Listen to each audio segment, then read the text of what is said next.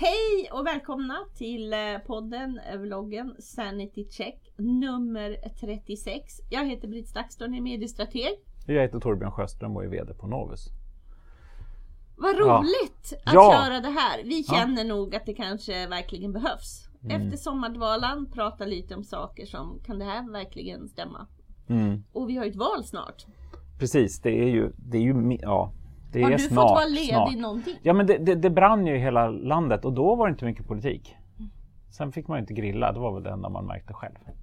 Så du fick vara lite Eller- ledig eller tvätta och fick avstå från att grilla. Ja precis. Ja. Nej men jag var, jag var ledig. Har Ja. du fått vara ledig? Ja, svårt att vara ledig. Man Ja. är också en fas i livet då man privat har lite svåra saker att hantera. Ja, Men- ja just det. Mm. Ja, men då har i alla fall inte behövt kanske fullt upp med jobbet. Nej, lite hemtjänst. Ja, Eh, och just det det. är ju nog så krävande. Ja det är det. Det är det verkligen. Ja. Det, är, det är ännu jobbigare. Ja. Ja. Men eh, nu är det ju full fart. Mm. Det är det, verkligen. Det känns som, finns det någon som man är lite nyfiken på vad du har för tankar här framöver? Hur ser ditt jobb ut fram till valet? Ja, alltså nu, nu Jag har faktiskt ganska mycket internationellt intresse nu. Tysk radio intervjuade mig. Det kommer bli någonting lite fler internationella grejer. Och det tror jag, det känns nytt. Alltså att det finns ett helt annat fokus på Sverige och den här förändringen att Sverigedemokraterna har gått fram så fruktansvärt mycket i normala Sverige tror jag liksom chockar omvärlden väldigt mycket. Ja, i, i, Ehm. precis eh, när jag lämnade Österrike så var det ju en artikel som summerade den populistiska vågen i hela Europa Mm. och eh, summerade och highlightade just vad, vad man står inför i Sverige. Och då Mm. var ju rubriken att, att eh, eh, neonazistiska eh, Mm. SD och lyfte fram de kopplingarna. Mm. Eh, Just det. eh, b- på vilken framväxt de var och då var ju också beskrivningen över eh, hur Socialdemokraterna har förlorat eh, greppet om, om eh, berättelsen. Så. Just det, och där fick jag, jag fick faktiskt ganska mycket, diskutera mycket med, med tyska radion om folkhemmet. Ja. Det var, men det Exakt. var väldigt roligt för, För då man man menar ett, att det ja, Mm. här med just välfärd, eh, öppenheten Mm. och det att det är liksom, det, den berättelsen vinner inte eller mark längre alls. Mm. Nej, liksom. och, och det Ja. ligger ju en del i det. Även om vi kanske har folkhemmet på gemene man, Mm. men vi tror inte att de andra har det längre. Nej. Att Nej. det är det som är hotat. Att eh, bara den här retoriken man haft med flyktingvåg och, och massor Mm. och liksom för att, för att alla undersökningar vi tittar när, när, när, man, när man visar även flyktingar som individer då är, det ju, då, är en, då, är ju, då är inte den här avhumaniseringen där överhuvudtaget. Då finns det väldigt mycket medmänsklighet och, eh, bland, bland alla respondenter oavsett partisympati. Men, men sen ju längre bak man ta, går liksom, och, där, och där, där, där, där även Sverigedemokraterna säger men vi måste ju ta hand om de som kommit hit. Vi måste lösa integrationen. Det är inte ut med dem. Och det är apropå det här liksom, Den, den bilden, den internationella bilden om att det här är liksom, ja, nazistiska rötter och liknande. Det, är ju ing, det är ju ingenting eh, som väljarna egentligen sympa- Alltså det är inte den, den radikala förändringen ser vi inte i Sverige. Även om det är lätt att se om man var i Almedalen och såg nazismen. Liksom, att man, "Åh, de är överallt. Mm. Men eh, de syns ju jävligt mycket. Stora flaggor snarare. Ja, men, Men det, det- ja. det, är ju, det är ju intressant när man ändå summerar och tittar Mm. på de stora trenderna, hur man faktiskt kan se på det här eh, utifrån Mm. också. Men vad säger de senaste opinionsmätningarna då? Eh, när, man är, så här, när man betar av ett antal möten med Mm. olika eh, aktörer så, så nu är de uppe i att Sverigedemokraterna ska få 30 procent. Men det Ja. känner jag väl, det är väl att ta i lite. Ja men alltså, och det är det här, det blir, det blir ju... Alltså, jag blir ju ganska arg faktiskt över att man, man håller på med det här konspiratoriska och bygga upp liksom stories om att ja, men, ingenting funkar, man kan inte lita på någonting. Egentligen så finns det en, en konspiration bakom eller slash oduglighet som gör att vi överhuvudtaget inte vet vad vi håller på med. Och det, och det, det ligger ju väldigt väl in i retoriken att skapa liksom en, en, en- en rörelse. USA, Trump pratar om det hela tiden. Nej, nej, nej, men det är liksom PK-media och skit.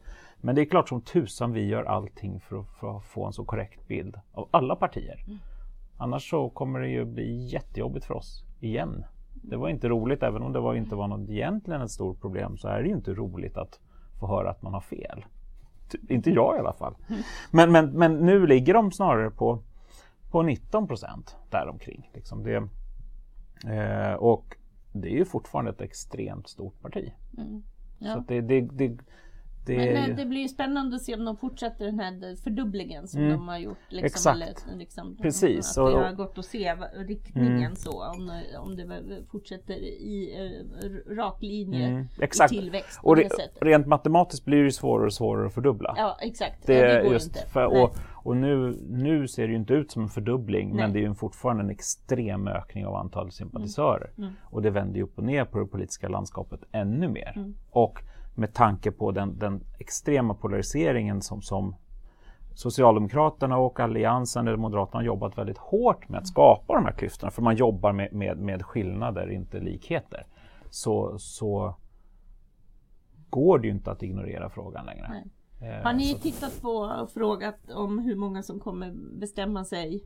Har Ja. man bestämt sig och så? Hur ser det här Så, ut med de nej. som kommer? Man pratar ju om att man är ganska lättrörlig vet jag. att Ja men, ex, jo, men exakt och, och jag har inga, jag har just nu inga eh, bra siffror på det här utan och det är väl det här jag funderar mycket på för man kan ändå säga nej men jag kommer rösta på Sverigedemokraterna för att och många säger då, men för decemberöverenskommelsen, jag kommer inte kunna släppa det. Alltså man har haft en hel mandatperiod på sig att faktiskt ta makten över det här landet, men man valde att inte göra det.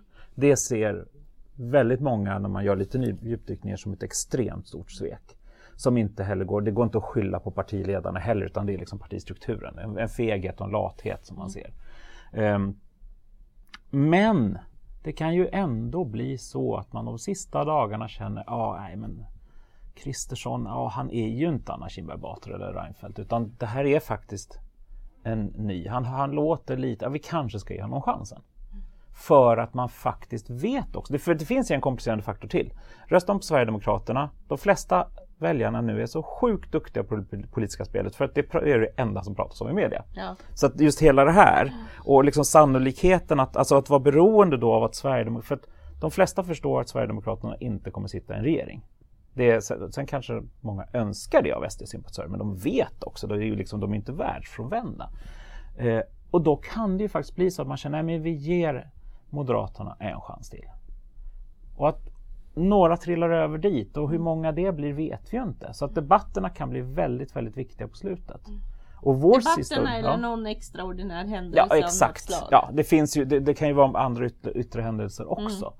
Och, och eh, Det kan ju vara åt, åt alla håll såklart. Men, men, men det bottnar ju egentligen i förtroende för de partierna man faktiskt röstar på. Och nu, nu så är jag, jag dammar av en gammal undersökning nu eh, till en presentation jag ska ha och ser att det man är mest orolig för av världshändelser som ska påverka mig själv som individ Före miljön och före eh, att naturresurserna tar slut är politikernas oförmåga att lösa problemen vi har. Det är det man är absolut mest orolig för. Det är mer orolig än miljökrisen. För, och med andra ord, vem är det som styr landet? Vem, alltså är det någon överhuvudtaget som styr? Eller försöker man bara undvika liksom Men det är ju ganska logiskt kan man ju Ja. hoppas för det är ju ändå politiken som eh, är en, en, en Exakt, men om då förtroendet är lågt Mm. så blir det ju svårt. Ja. Om man då bara ser pajkastning, Mm. inte problemlösning, Ja. inte en pragmatisk syn utan en ideologiskt, en, en ideologisk dimension som de flesta väljarna inte begriper. Mm. Typ, varför blev det här så himla viktigt? Mm. Men vi har ju liksom, det brinner i landet. Varför, varför blev det här en viktig fråga? Liksom Mm. att det, det är snarare vilken position man har är viktigare än att man löser problemen. Och det är ingenting man vill se hos en ledare eller, eller förtroendevald. Och just den där, den där balansgången har man inte lyckats som politiker nästan alls. Och inte i västvärlden överhuvudtaget, för man är ju mer eller mindre gisslan i den här här och nu eh, breaking news-världen. Mm. Men bieffekten blir ju det här då. Att det, då, då röstar man snarare emot någonting. Men vad kan hända sista veckan? Vi har aldrig varit med om det här. Vi kan inte säga att det, många kommer ändra sig eller att vi vet resultatet nu. Och vi kommer, undersökningsbranschen, vår utmaning är faktiskt inte att träffa rätt på valdagen. Vi, vi gör inga prognoser. Vi mäter poängställningen. Sen, det är ingen Här idé. och nu, Ja, Exakt här och nu. Ja. Precis. Men leder man med 10-0 i en match så är det väldigt troligt att man vinner. Men i det här läget kan, skulle alla kunna ändra sig på lördagen och söndagen. Och jag tror inte det är ett undersökningsföretag som kommer att ha tillräckligt mycket intervjuer så att man faktiskt kan säga vad som händer de sista dagarna. Eh, och det kommer vi inte veta. Så att här är mer bara Vad skulle det kunna vara för frågor som skulle, kan man, om vi spekulerar lite? Men... Nej, ja, alltså det, Uppdrag granskning kommer ju idag med, med, med liksom etnicitet hos våldtäktsmän. Det kan ju faktiskt vara någonting som, tajmingen blir ju, alltså den kommer ju vända upp och ner på, på fokus mm. rejält. Eh, och, och eh, den typen av frågor kan ju påverka väldigt mycket. Och, och, och här, här, blir ju liksom, det, det är klart att Uppdrag granskning kunna granska vad som helst. Men man undrar varför man gör det bara ett par veckor innan valet. Mm. Det, är ju som att kasta in en brandfackla mm. och styra, mm. styra debatten åt ett visst håll. Um, men det kan ju också vara att någon att göra jättebra ifrån sig i debatter, det tror jag är svårare än att göra, göra bort sig i debatter. Alltså sannolikheten kan vara att man snarare gör bort sig i slutet. Ungefär som Löfven när han knuffade Annie Lööf förra gången. Alltså sådana saker kan skapa väldigt stora bilder. Nej, det här går inte att lita på den här killen längre. Nej, men för det är lite det jag mm. tänker mig att någon sån här skandal mot um, på något sätt skulle verkligen brinna till ordentligt eftersom mm. vi pratar förtroendet är så mm. lågt redan. För det är ju lite det du är inne på. Det är liksom Det är inte i någon positiv mm. våg som man får rida uppåt för att mm. stärka sig. Nej, nej, men precis, utan det är snarare att man kan ja. tappa den där sista unset. Mm, liksom. Exakt, man letar efter precis det där som bevisar. Ja det här, kolla man kan inte lita på de här. Nej, exakt mm. och, och då, där är ju det, förtroendet är faktiskt, det här, det här är ju faktiskt fascinerande. För, för Sverigedemokraternas sympatisörer är inte förtroendet så viktigt för partiledaren för att det är, det, det är misstron mot allt annat som är överskuggar det.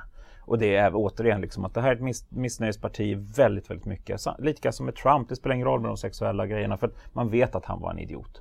Mm. Man röstar på honom för att han var en idiot. för han var inte som alla andra. Mm. Liksom.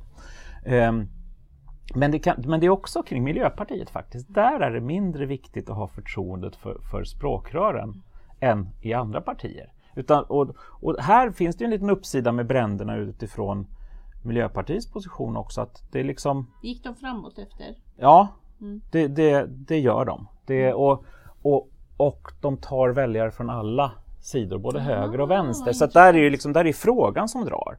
De känner, nej men jag kan, och det kommer inte bli en massiv, alltså en, folkvandring till Miljöpartiet men det kan bli liksom ett hopp uppåt som gör att de ändå liksom, ja, delvis klarar 4 spärren men också får en lite starkare position för att det går inte att ignorera miljö, miljöfrågan och de heter ju Miljöpartiet. Mm. typ. Så att, ehm, men det är också intressant att Miljöpartiets väljare är minst oroliga för att ha negativa effekter av miljön. Att vi själva ska drabbas av en miljökatastrof är Miljöpartiets väljare mindre oroliga för än andra. Men då är man ju djupt övertygad om att man sitter på nycklar till detta. Ja, eller att... Alltså, samtidigt är Miljöpartiet överrepresenterade i storstäderna. Så att det är liksom synen på miljö är ju lite, lite speciell mm. där. Det är inte...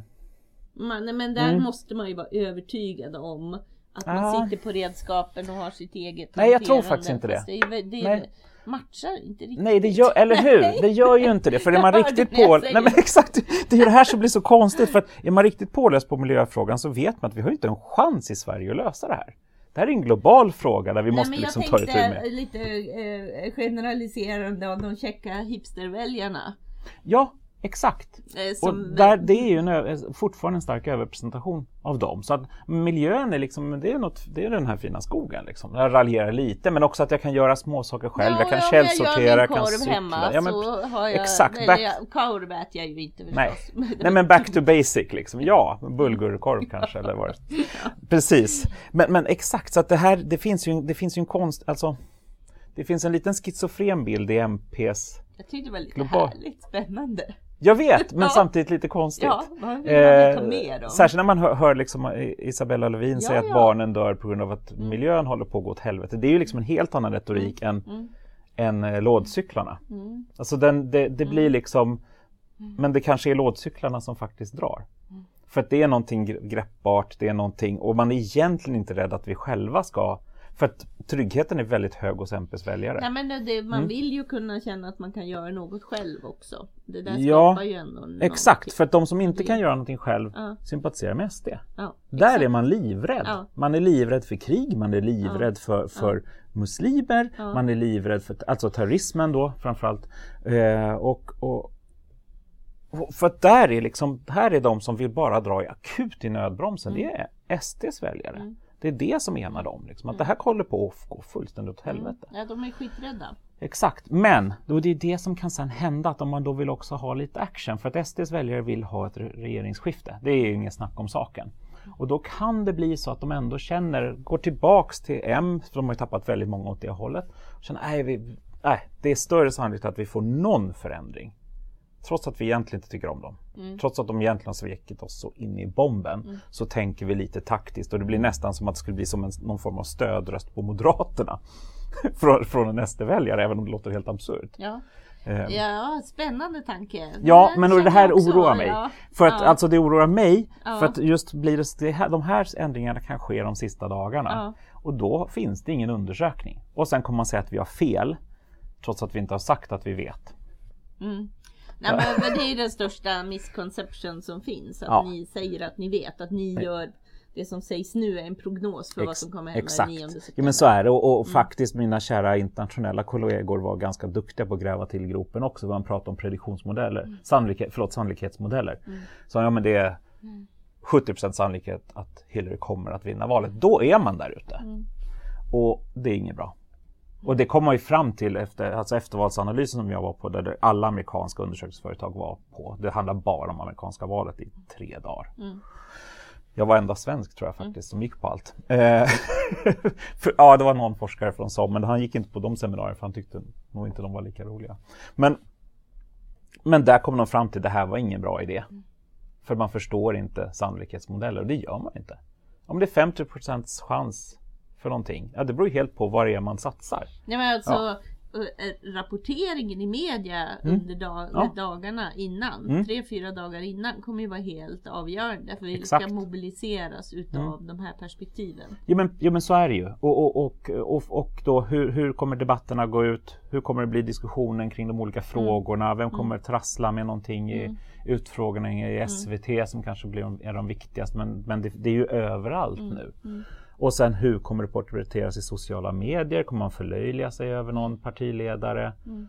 i sista slutskedet? Mm. Det, det, kan ju hända mycket för då, då, då, det kan ju också cementera misstron mot, mot regeringen eller misstron mot en partiledare. Så, för att, ja, det blir jargonger och, och mm. snackisar mm. som egentligen inte stämmer. Men nu när det är så sjukt mycket debatter, det är över, överallt, så kommer ju ingen att kunna orka kolla källorna heller. Mm.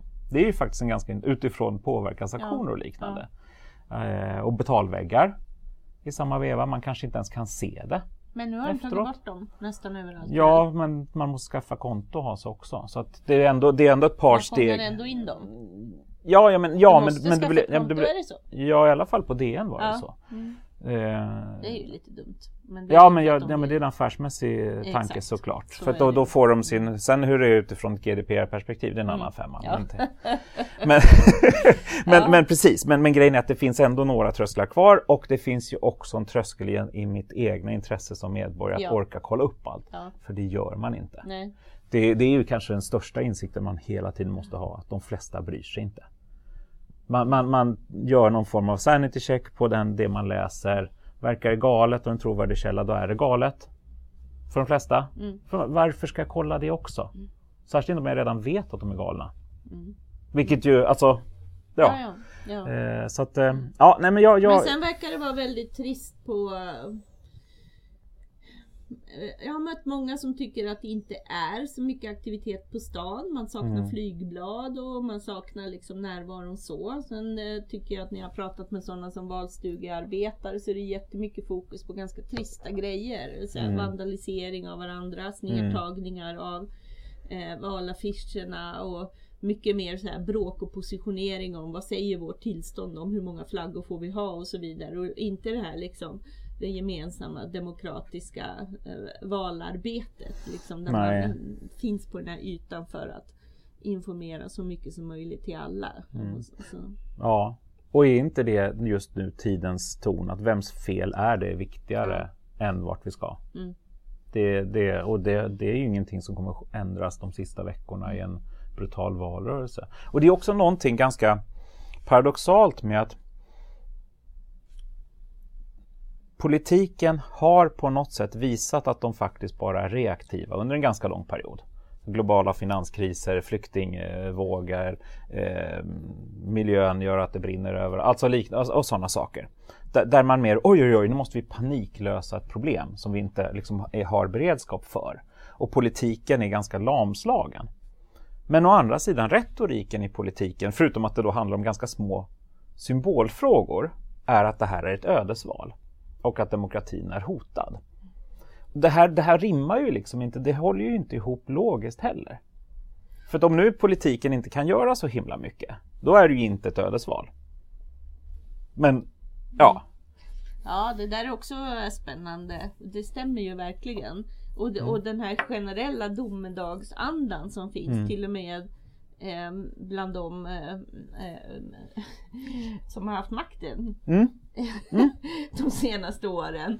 Det är som att man Ja men vi startar inte från noll. Ni Nej. har ju haft makten ja. här och den Precis. beskrivningen borde ju ha lite mer Ja men exakt, Nej, men nu, jävlar ska vi fixa det. Ja, ja, men exakt. Och det här vill vi fortsätta göra. Men det är som att man Ska vi, ska vi tro att vi startar från noll här? Ja, ja men exakt. Jag har i och för sig tänkt på en sak nu, eller väldigt, väldigt länge, men jag tror jag lyckas formulera lite mer. För jag träffade en, en, en, kompis i tunnelbanan som vi inte ser så ofta. Så, ja, men nu har du mycket att göra. Ja, kan man väl kanske säga. Men framförallt så är jag lite orolig för samhället. För det är någonting med det här att det, det är så stort fokus på de jättestora frågorna. Typ rysk påverkan. Alltså den här egentligen mer eller mindre eh, spöken som vi egentligen inte riktigt kan ta på. Att jorden går under liknande dimensioner. Eh, och samtidigt som vi som medborgare ser att de små sakerna överhuvudtaget inte funkar. Och, och det här är ju liksom psykologiskt otroligt dumt. För att om, om, man ser att de stora sakerna inte funkar, för de går inte ens att lösa.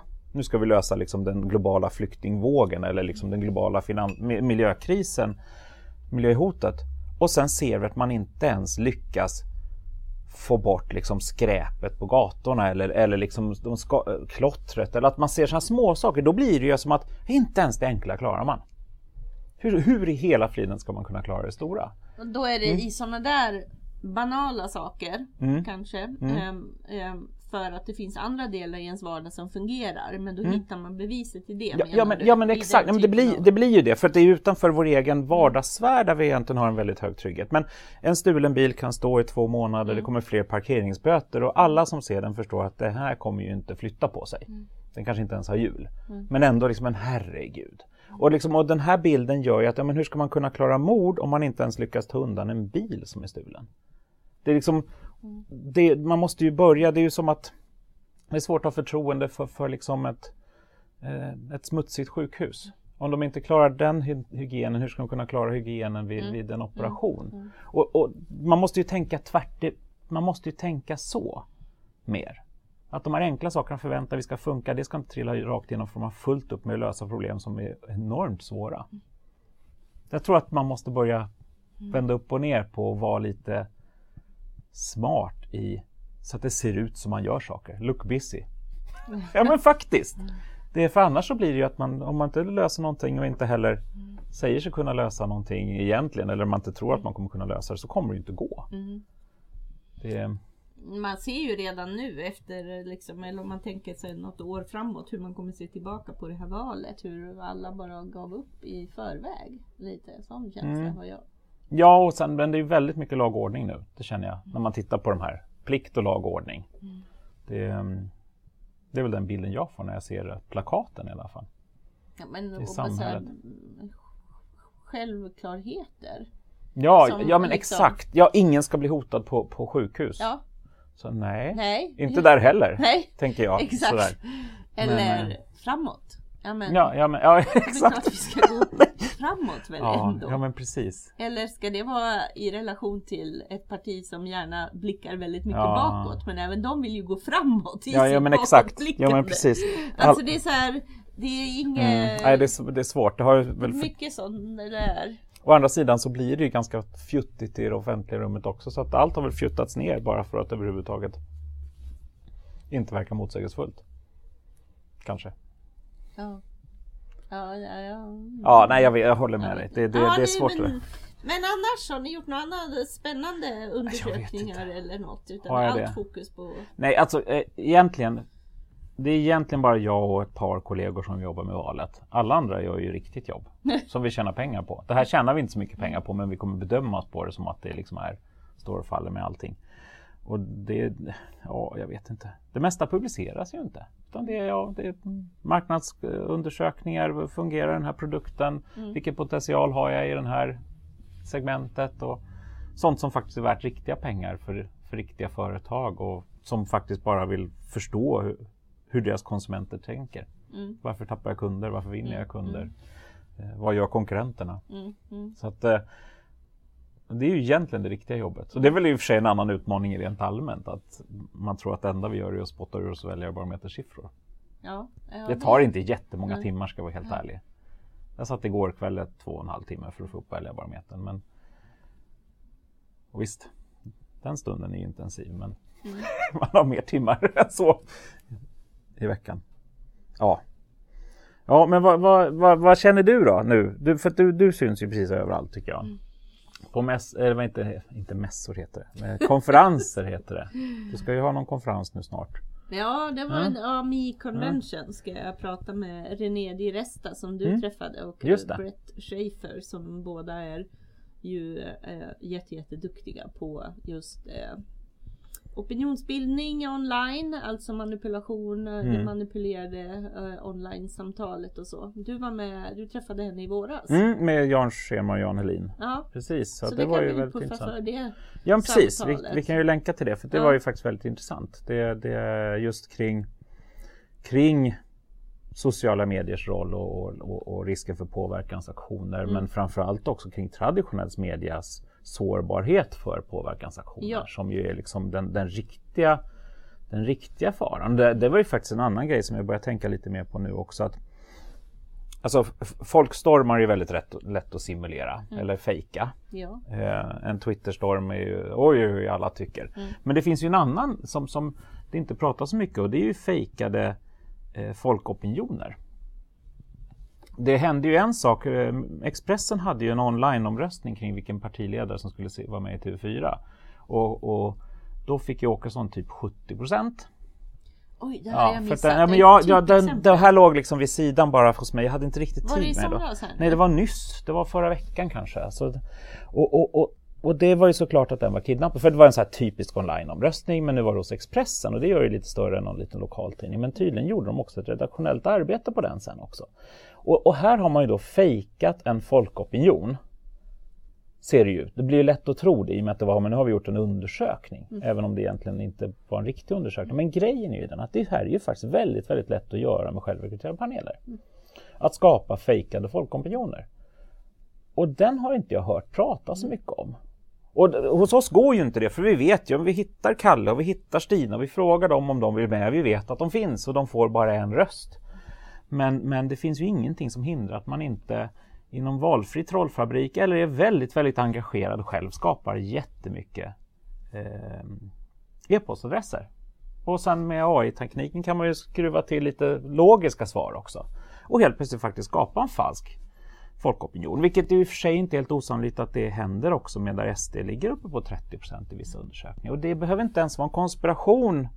Men det kan vara det. Ja men Alltså, och det är det är den där. analysen som aldrig har gjorts. Det är Mm. det som är skillnaden om vi tidigare valrörelser liksom har sett de digitala kanalerna som en möjlighet att väldigt välplanerat Mm. kunna distribuera sitt innehåll till fler och engagerat i Mm. bästa fall och fånga upp och så har alla inte gjort på det ultimata sättet men det är liksom så det har kunnat Mm. användas. Så eh, då är det ju ändå en, en större rörelse som, som eh, liksom ser till att använda sina riktiga sympatisörer Ja, i att precis. agera för sig. Liksom.